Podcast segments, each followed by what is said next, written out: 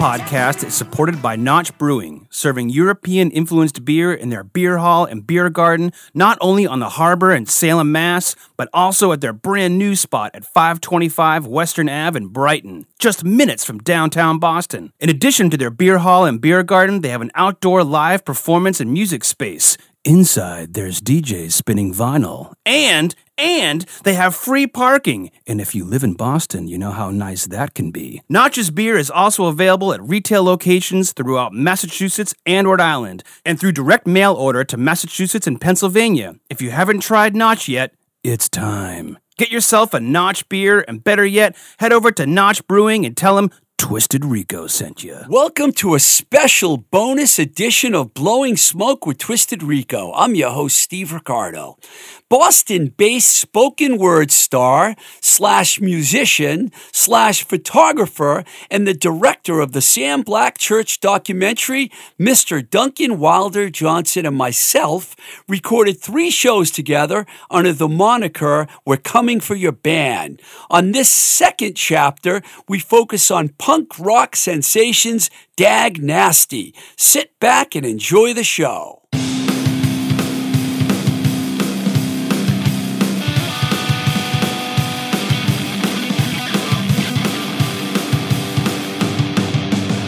We're coming for your band.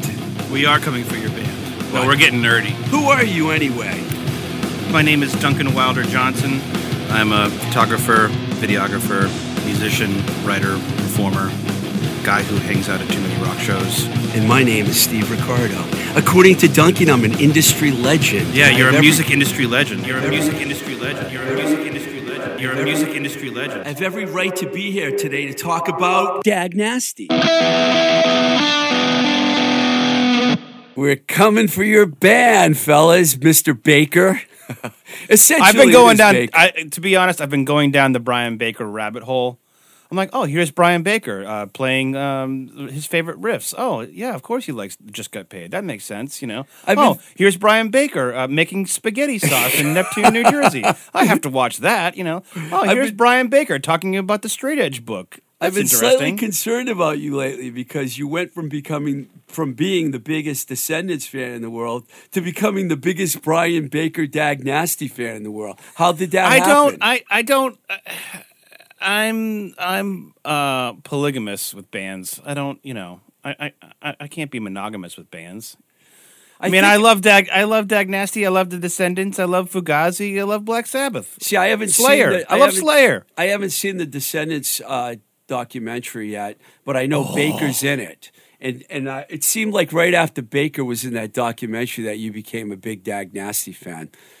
Am I No, just- I was a Dag Nasty fan from, when I was 12 years old. Dag Nasty is on the tape that changed my life. The And you know, I'm going to tell our listeners that I brought you a gift when we came in here Yes. today. It made you very happy. I'm ec- ecstatic. Ladies and gentlemen, boys and girls, people of all genders, ages, and backgrounds. I now am the proud owner of a Dag Nasty all ages show blue 7 inch.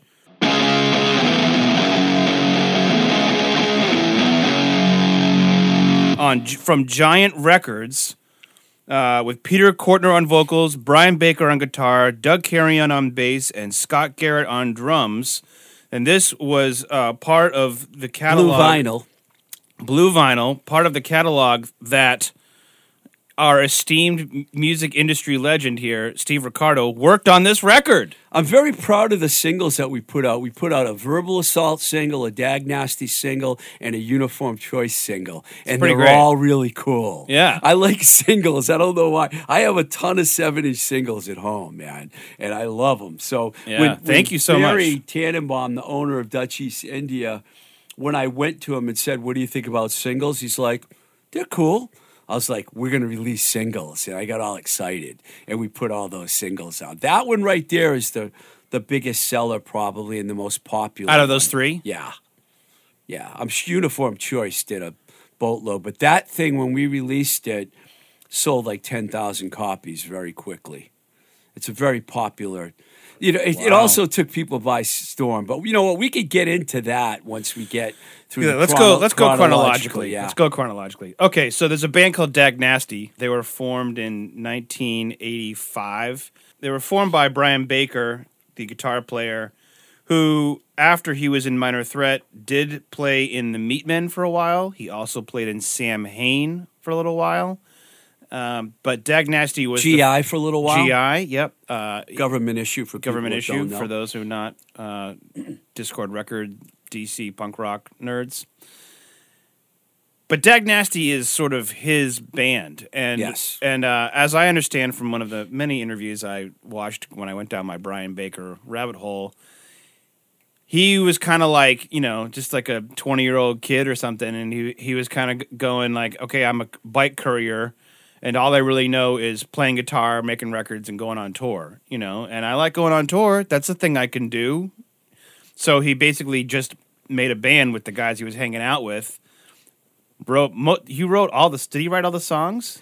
He wrote all those early songs on Can I Say, Yeah, and he write and he and wrote a lot um, of Wig Out. And he and he wrote the lyrics as well, right? Yeah, but when Peter Cortner came after Smalley and Shawn Brown, he wrote a lot of the lyrics on the Field Day record. So, uh, r- podcast listeners, just so you know, this band has had three singers.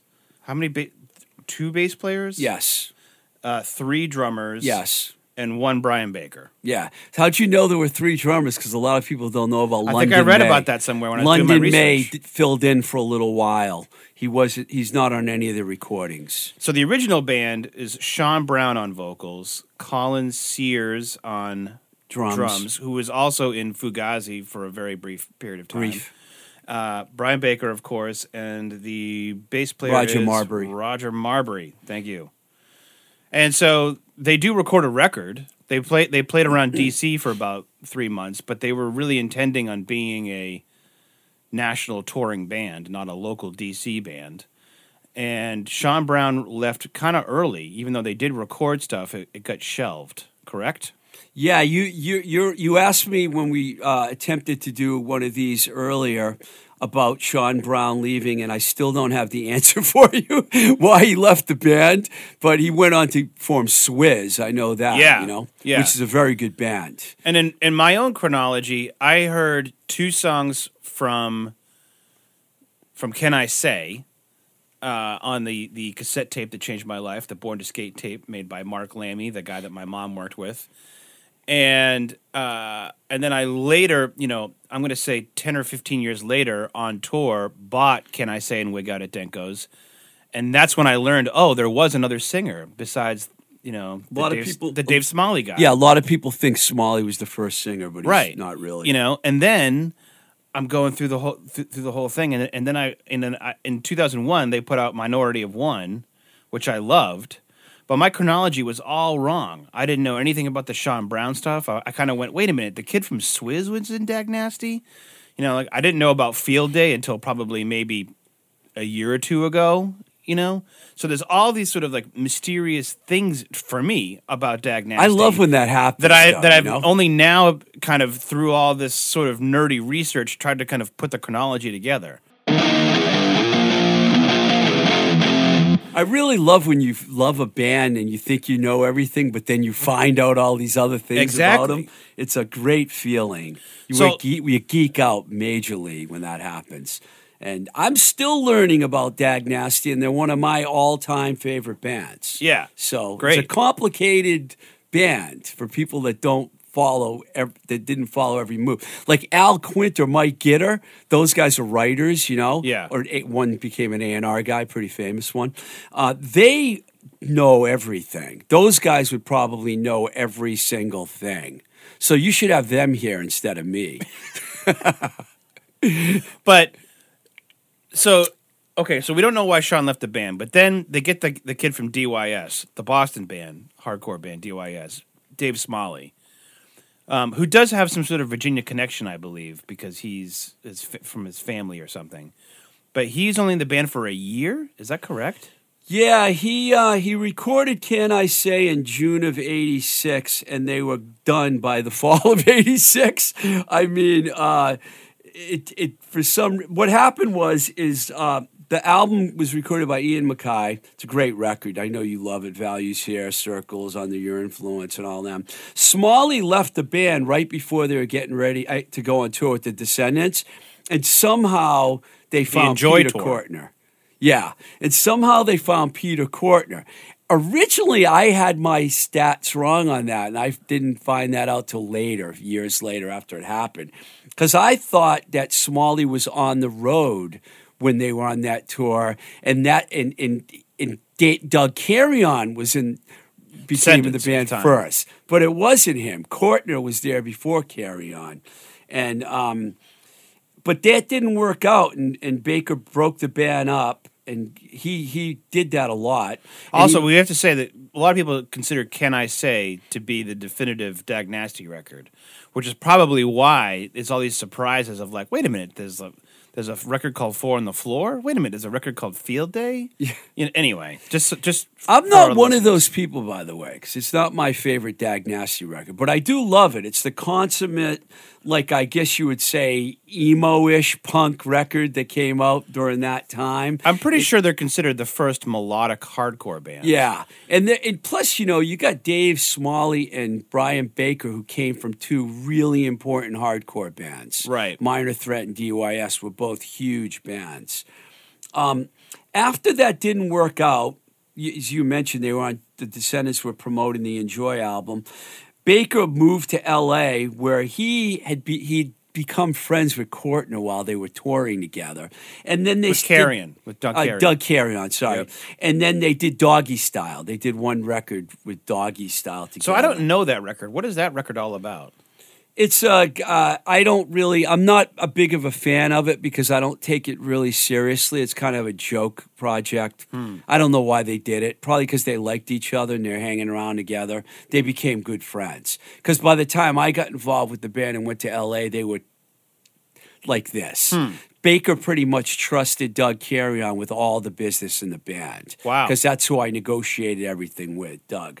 Um, when Baker decided to come to reform Dag Nasty at the end in 1987, and Roger declined to be part of the reunion, that's when Doug joined the band, and that's when they went to DC and recorded, did the sessions for Wig Out at Denko's in March of 1987 um, with Ian and Don Zientara. I hope I'm saying that name out. Don Zantera. Yeah, Yeah, and then Inner the Ear. record came out in 1987. But here's the funny thing about, unless you want to talk a little about that, I want to tell you how they came on my radar. Well, just real quick, uh, as far as we can tell, Wig Out at Denko's is some sort of inner inner joke, DC joke that uh, we don't get. But I have to say, with that record, there's some of the greatest uh, melodic guitar lead lines. You know, as soon as it start that record starts off with the Godfather, you're just you're just like, oh, it, I'm I'm I'm instantly put at ease. I'm like, oh, this is good groove. you Baker know? became a guitar god, I think, right around that time. He- you mentioned, you know, God, the Godfather exercises, "Safe," which is still Yeah, one of the most important songs in the Dag Nasty catalog. "When I Move," of course, the title track. After that, before that record was going to come out, Mike Gitter, who I mentioned a few minutes ago, called me up and he said, "No, I heard about Giant Records. I know you have government issue. I know you're going to sign some other bands. Are you interested in Dag Nasty?" And I'm like, "Dag Nasty? Aren't they like on Dischord?" He's like, "Yeah, but they might want to move on." I'm like, "But don't they have a record coming out?" And they did. It was Wig Out. It didn't come out. So I said, come out? It, it hadn't been out yet. Oh, it hadn't come yet. it out hadn't yet. been out Okay. yet. So I get a phone. I, I called Doug Carrion up, and him and I collect, you know, connected marvelously, and we had these really long phone conversations. And he sent me a cassette of Wig Out at Denko's. So I had the cassette of the album before it came out, and I was driving from New York to Long Island every day with uh, Gerard Cosloy, who's, who ended up starting Matador Records. He was running Homestead at that time. Patrick Amory and Chris Lombardi, who's the owner of Matador, and this guy John, who was in a hardcore band called Sorry. He's no longer with us. I drove with Great those name. guys every day from Manhattan to Long Island, and I started playing. They let me play the cassette. Usually, they would not let me play anything because uh, talk about a major indie rock geek fest in that car every day. and uh, I would play it, and Chris Lombardi actually liked it. That's the only reason why I was able to stay on because those other guys didn't want anything to do with Dag Nasty. They liked GI, but they didn't like Dag Nasty. And I realized how great that record was, and I wanted that record. So I called Ian MacKaye up, and I said to him, I said, hey, man, do you mind? I'm talking to these guys. I didn't want to like go past you because I respect you. I'm going to sign them the Giant. Are you cool with that? He's like, yeah, absolutely. They want to go on and do other things. And I'm like, well, what about the Wig Out record? He's like, no, we're putting that one out on Dischord. So I couldn't get the Wig Out record from him. Yeah. But I was negotiating the deal and the record hadn't come out yet. Got it. Got it. That's that's pretty crazy. Um, so, does Dag Nasty move to L.A. at that point? No, Doug, they never all really lived in the same place. Doug and Really? and Brian were out there, but Peter never moved to L.A. And Scott, I think, may have been in L.A. I'm not positive. Um, before they went out uh, uh, to support that record, Colin Sears decided he was leaving the band, so they recruited London May to fill in and do the tour dates and stuff. Now, London May was in Samhain. Yes, Samhain. Okay. Wow, very good. Well, I wasn't know that. sure, so Yes, why I was Sam a little, little que- questioning there. But they knew he was temporary, and when they found Scott Garrett, then basically Scott came in and he became the drummer. And there you have the field day lineup in place now, which is uh, Baker, Carry On, Cortner, Garrett. So they're continuing to tour. The record they have out at the time is "Wig Out at Denkos." Yes. You're starting to talk to them. Yes. You're getting the money together, et cetera, et cetera. Then what happens? Then I signed them. I got Dutch East India. They put up all the money. It wasn't my money. Otherwise, I never would have got signed. Now, Um, was Dutch East India like the distributor for? yeah, they also owned Homestead Records. So Oh, they, so they they kind of they were a record label that had subsidiaries. Yeah, they already had Okay. a they already had a reputation because they had Gerard. You know, Gerard was a the guy who went on to do Matador. yeah big time independent rock guy that everyone knew that that people wanted to work with. They had a lot of great bands on Homestead. It's a great label. I didn't get along very well with Gerard, which was difficult because our offices were next door to each other, and I don't think he liked having another label around there. But I, it was a miserable time for me those two years I spent Really? on Long Island. Yeah, I was very unhappy, but I was signing great bands. My music career was flourishing, but my uh, personal life, I had left L.A. and my ex girlfriend and I broke up, and I didn't like Long Island, and I had to move out there. One of the years I was there, I lived out there. I wasn't in Manhattan anymore because I got sick of driving in with those guys, and I didn't want to take the Long Island Railroad, so I moved out there. Sucky, but I was getting a lot done, and um, once we got that deal done, that's when I went to Barry Tannenbaum, and I came up with the singles idea. And I said, "What do you think about putting seven inch?" I was always a fan of seven inch singles from when I was a little kid. Unfortunately, podcast listeners, you can't see this, but I'm actually holding one of the Dag Nasty singles that, all ages show is everyone. They call it an that EP. Steve Ricardo put out. It's on bl- it's on blue vinyl. I mean, we keep saying this, but I can't I can't emphasize it enough. Okay, It's it's only three songs, but it had a lot of impact. damn good ones. Your Mind really blew everyone away when they heard it because it was produced by this guy called Grayling King, and it sounds. When I first heard it, Doug Carrion reminded me of this. He, we were talking a few weeks ago, and he like, "Do you remember when we sent you the Your Mind single? You didn't call me back for three days." Because we were really worried that you were like pissed off about it and didn't want to put it out. And I said to him, I said, I wasn't really pissed off about it because I was going to do whatever you guys wanted to do. But I was surprised when I heard Dag Nasty sounding like Bon Jovi. It kind of took me off guard. But then this other two songs on the flip side, made me realize it was just, you know, uh, it, it wasn't going to be what they were going to do because that was way more commercial than everything that was on the Field Day record. And staring at the Rude Boys, the Ruts cover, Yeah. was a great song to cover. And All Ages Show is one of the best Dag Nasty It's a great songs. Yeah, it's a great song. So that single came out and it sold about 10,000 copies. And it kind of, that was in late 1987. A lot of stuff happened in 87, if you think about it. I mean, Wig Out came out, that single came out, the band went on tour, members changed. That was a big year for Dag Nasty, 87. Yeah. Very big year. And it set everything up for February of 88 when we put out the Field Day record. Now the Field Day record. Do you want to talk about the uh, guitar sound thing? Yeah, I remember I go, went out to Manhattan. Well, I, I always say Manhattan Beach, but I'm pretty sure it was actually Hermosa. It was right on the line. And I went out there to hang out with Doug and Brian. And I went to the house, and Brian says, I thought he said, This is what we are going to want our record to sound like. And he was actually saying, This is what I want my guitar sound he was enamored, like drooling all over Johnny Marr at that time. And he put the Smiths a Smiths record on, and I was like, I didn't know what to think. I thought I was signing a punk band, and now they're telling me they're going to sound like the Smiths. But you know what? I don't know if I was just.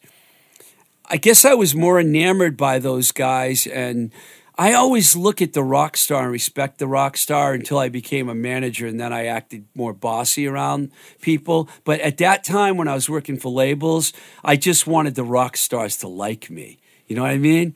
I was like the kid in Almost Famous, you know, I was looking Yeah. up at them. So I was like, okay, I don't have to tell anyone about this. I can just go back to New York and just, when we get the record, let them make their own decision. So after we did the EP, I didn't know what to expect.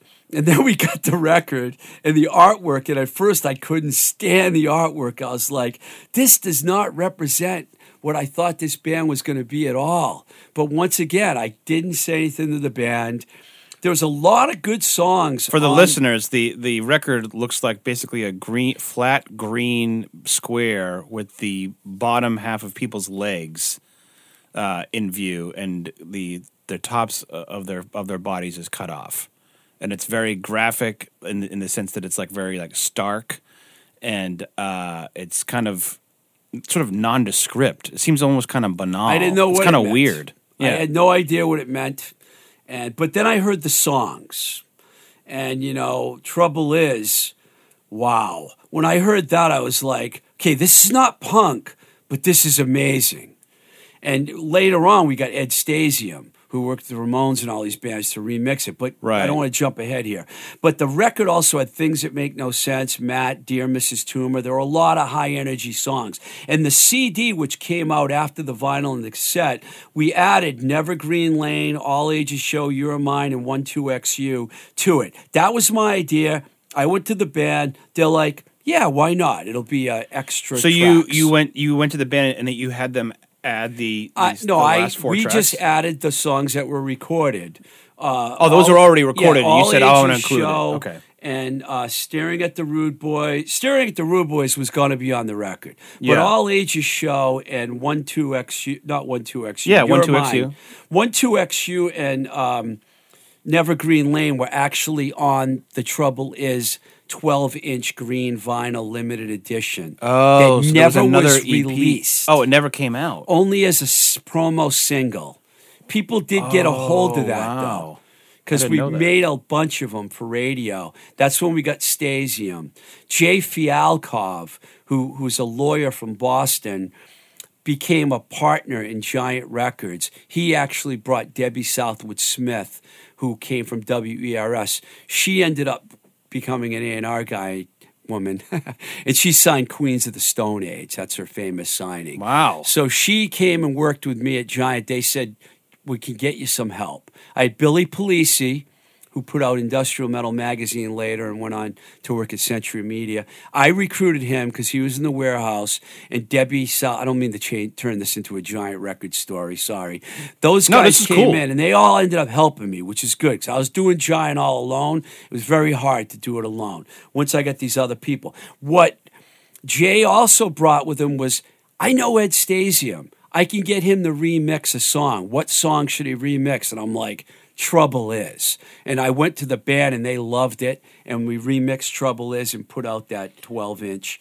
for radio. So for me, when I listen to this, the first thing that I that I hear when I when I put on the Field Day record is I go, "Oh, that's a different guitar sound," Yeah, and I go trouble and it and I go and it sounds kind of processed, but like not in a bad way, you know.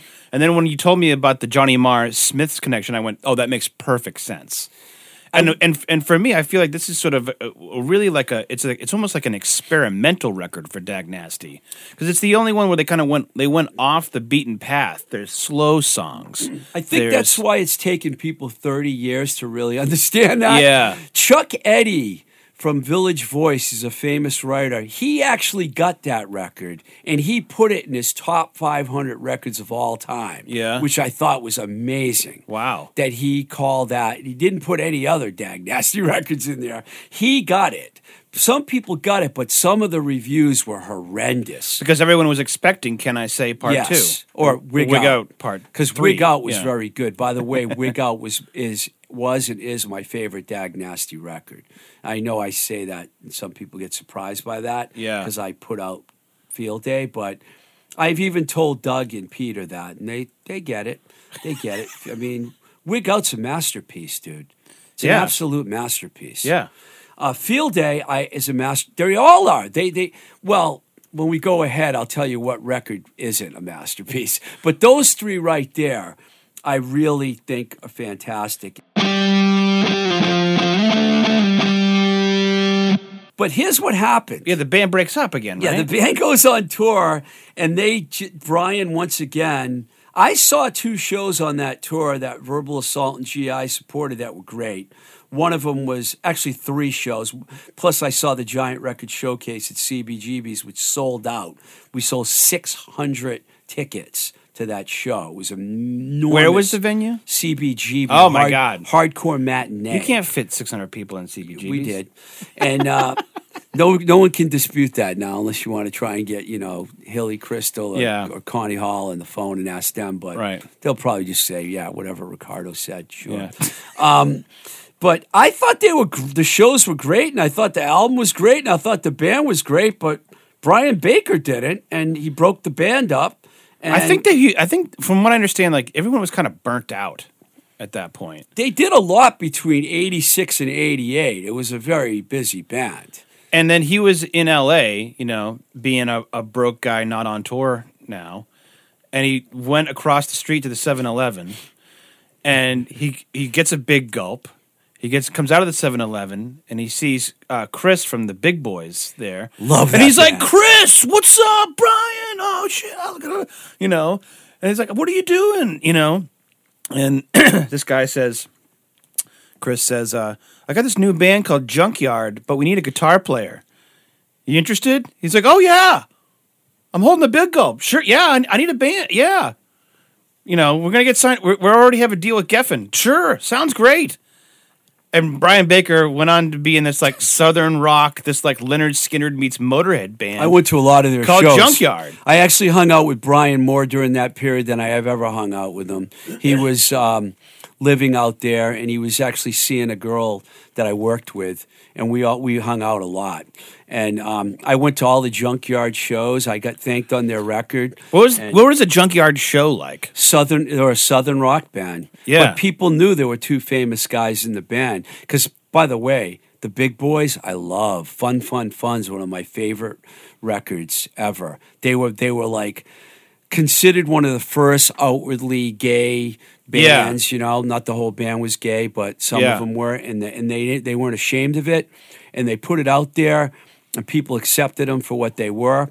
And I thought that they were a very influential band. But Brian ended up, you know, that was his payday, biggest payday to date, because Geffen Records gave them a lot of money. Yeah. And um, And for those who are going to start saying things like uh, "you sold out," blah blah blah blah blah, well, you know what? Um, you try being in a band, living in a van for a number of years, uh, uh, making you know maybe ten thousand dollars a year. It's- you, you do that, then you come back to me and say like someone's going to give give you some money so you can actually live a, a halfway decent, half comfortable he lifestyle. wasn't a frivolous Come guy on. either. Yeah, Brian wasn't a frivolous guy. Maybe good for guitars, but that's about it. You know, he wasn't one of those guys that went out and spent a ton. We went to see the Dickies one time together, and we we hung out, you know, for a little bit. It was like 89, 90.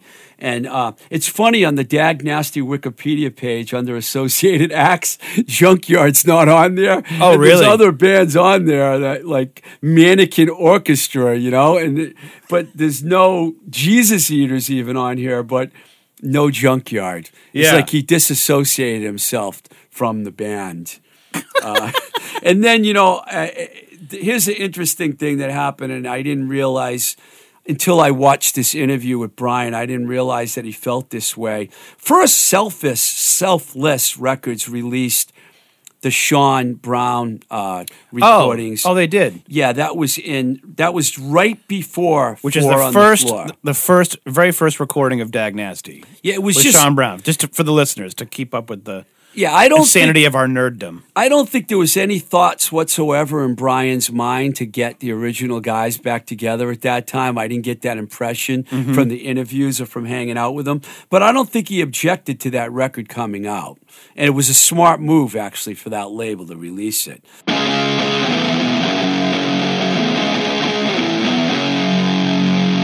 So he did decide, however, to get the night to get Smalley, Sears, and Roger Marbury together in '91.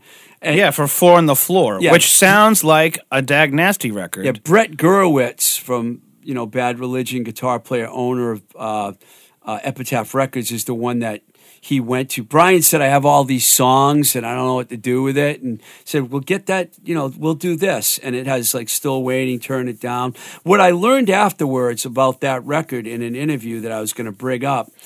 Besides the fact that you know Dale, he had to go as Dale, go by Dale Nixon on the record, which I know you love, because he was under contract with Junkyard still. Yeah. uh, Geffen Records, Right. Junkyard. Uh, they wrote that whole record in the studio. They didn't have any songs ready. I never like that when a band does that. for Four on the Floor. Yeah, for Four on the Floor, they wrote all That's the songs interesting. in the studio. I do think there's some really good songs on Four on the Floor. I like Still Waiting, Turn It Down. I like both of those songs. I love the thing about ba- what Baker says about Smalley, and it's true, is you know it's him. Just like you know Baker's guitar, you know Smalley's voice. Every Oh, yeah. band he was in, all down by Yeah. law, you know DYS, you know his voice, Some- and you yeah. know Baker's guitar. They're two of the most important people in the history of American punk rock. Well, when I, when I, first when I when I when I put on when I put on Four on the Floor, I kind of felt like, uh, is this an all record?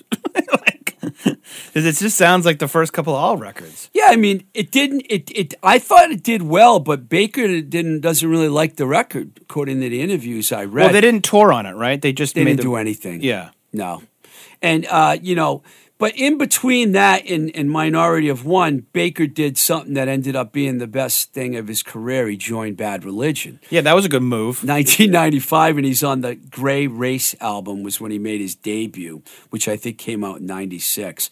But years later, fast track into 2002, he got that itch again. He had all these songs that he wrote. He sent them out to Marbury and Colin Sears, who he's really good friends with. They both had wife and kids, and Roger's working in the uh, film industry. You know, Mm-hmm. he actually worked on a band that I managed, the Charms. Oh, did We- he? yeah, he worked on their Wish song video at the Old New Alliance. No at kidding. 1312 Boston. I didn't know I that. didn't even know he's part of the crew. And I, Dag Nasty came up and someone said, One of the Dag Nasty guys is on this crew. And I'm like, What? I'd never met Roger Marbury, so I didn't know it was him. No shit. And then I met him and he goes, You're Steve Ricardo? And I'm like, Yeah, I managed his band. And it was like, we. You know, ended up talking about Dag Nasty for a while, but That Brian cool. sent those songs out and he and asked them, "What do you guys think?" And they're like, "What do you think?" And he's like, "I think Dave Smalley." So they got Smalley, and they went in 2002 and they recorded Minority of One. But this time they had the songs done and they went to Yeah. DC to record it. I was fortunate enough to get this record as a promo, and I got to review it. And um, and soon after that, I got to review the Bad Religion record and interview Brian Baker.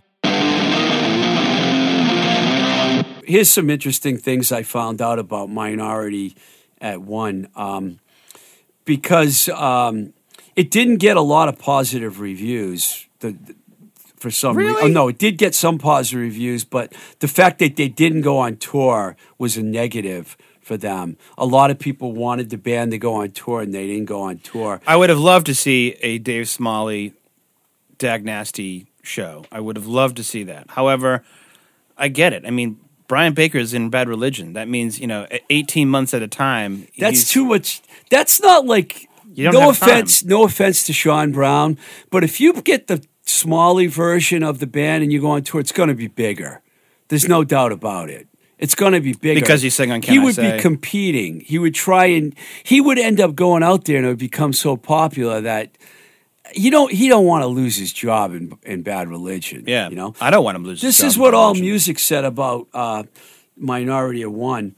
Um, although it was 16 years since Dag Nasty first came together, they seem to have the spark that boosted them to such independent heights. Minority of One, Baker said, was this is the record that deserved a real serious effort. It's like wig out on steroids with Dave singing, which I thought was interesting because Dave didn't sing on Wig Out. Right. So I thought that was an interesting quote. There was talk after that of a reunion with Peter Cortner, but it never happened. And then later, years later, that's when Shawn Brown came back in them. I think friendship has more to do to do with anything. Yeah. I think that he's such good friends with Colin and Roger and Shawn that he wanted to be with his friends if he was going to do it. Right. And he knew that there wouldn't be any drama or anything like that. So, uh, Dischord eventually released the uh, Dag with Shawn record, the original record. That who was the did Holmes who put it out first? Selfless. Selfless put it out first, and then Revelation put out uh, Minority of One. This is what happened. Colin Sears, I remember now. Colin Sears called Brian Baker and he said, "If you want to do another record, my friends at Revelation will release it." No and so kidding. that's when he said, "Let's get the Can I Say lineup together and try it again," because we didn't. He didn't feel like Four on the Floor was good enough for him. I agree with you though. I think it's a good record. I put it as their least best record out of all of the Dag Nasty records because I'm not going to put Field Day behind that record. Sorry, man. so okay. so to uh, finish up here, Maybe you are, but I'm not. Brian Baker eventually joins Bad Religion, and that becomes pretty much his life. Uh, currently, they have released a another seven inch on Dischord. Uh, it's the Cold Heart seven inch, and also That's the- what you were thinking of. Yeah, they had a seven inch single that came out on Dischord. Yeah. And then also we got to talk about Field Day the band. Now there was an offshoot. Do you want to talk about how that happened? Yeah, I saw. I read another interview with Brian, and because I haven't talked to Brian in a long time, I should. I, I'd like to. I'm going to reach out to him one of these days because I want to get him on my other podcast. No offense, which is Blowing Smoke with Twisted Rico. Plug plug. Um, I read an interview with Baker, and he, they asked him what he thought about that, and he said he was happy for Peter. Peter's a great lyricist.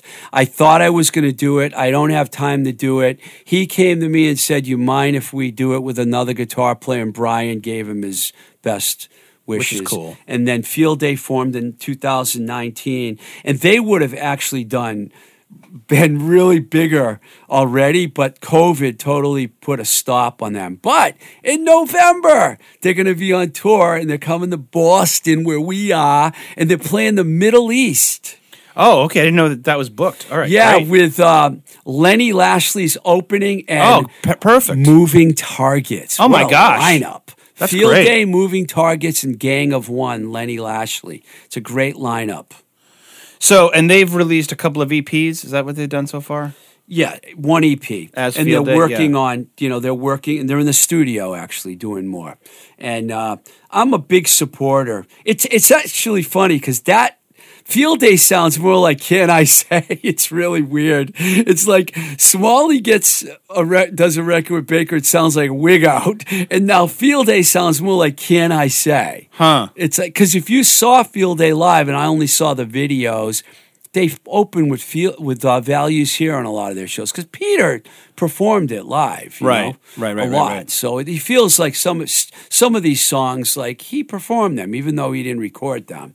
So, I mean, I consider those guys just as much part of Dag Nasty as to me. They're all on kind of equal ground, one tier lower than Brian. You know, you know, but Brian probably feels Colin Sears and Roger, you know, are his guys. You know what I mean? Yeah, yeah. So Dag Nasty is is still a band now and again. Uh, they play with Shawn Brown as the singer, and they do a few things here and there, as far as I can tell. But Brian Baker's in Bad Religion. He's also in a band called Fake Names, Good band. uh, Foxhall Stacks, which I have not heard, and Beach Rats, which is uh, with some of the Bouncing Souls guys uh, down in Jersey. Peter Cortner and Doug Carrion are in Field Day, as we said. Dave Smalley is in Down by Law, Bandoleros, and Don't Sleep. He was also in All and DYS, of course. Colin Sears is in Moon Zero Two, and has a new record out called Cosmic Seasick. And that's He's a about really it. nice guy, by the way, For Colin Sears. Uh, when I, if I can go back to Giant for a second, we did a deal with Pat Dubar's label, Wishing Well, and I put a bunch of bands out instead. And Grave Goods was one of them. It was Colin Sears' brief band that he had going. He, he's been in a lot of good bands. He's, he's really good, great drummer, great drummer, without a doubt. Awesome. Just have to throw that in there, Colin. All right, I think we've we've come for Dag Nasty. That was fun. See you next time.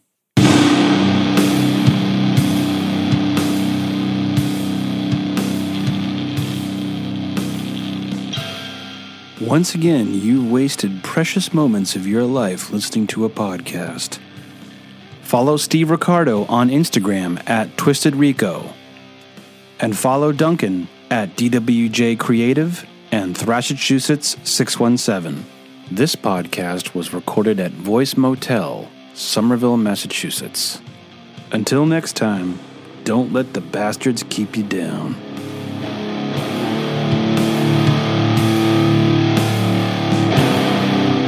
Thank you to everyone that supports this show on patreon.com forward slash twisted rico. You can also support the podcast on Anchor, which some of you have done and more of you can do it. Anchor.fm forward slash blowing smoke TR, which is actually where the official website for the podcast is. If you want to write me, you can reach me at twistedrico at gmail.com, at blowing smoke with TR, at blowing smoke BS on Twitter, and we also have a Blowing Smoke with Twisted Rico YouTube page.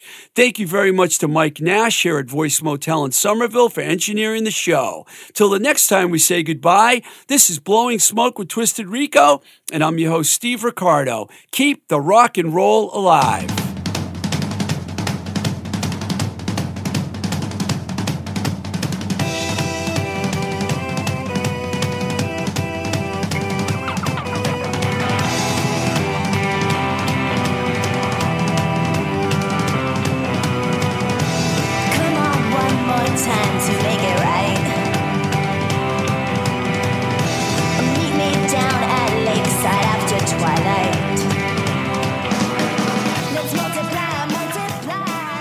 Voice is recorded at Voice Motel, voicemotel.com, your complete podcast recording experience, located in Union Square, Somerville, Massachusetts.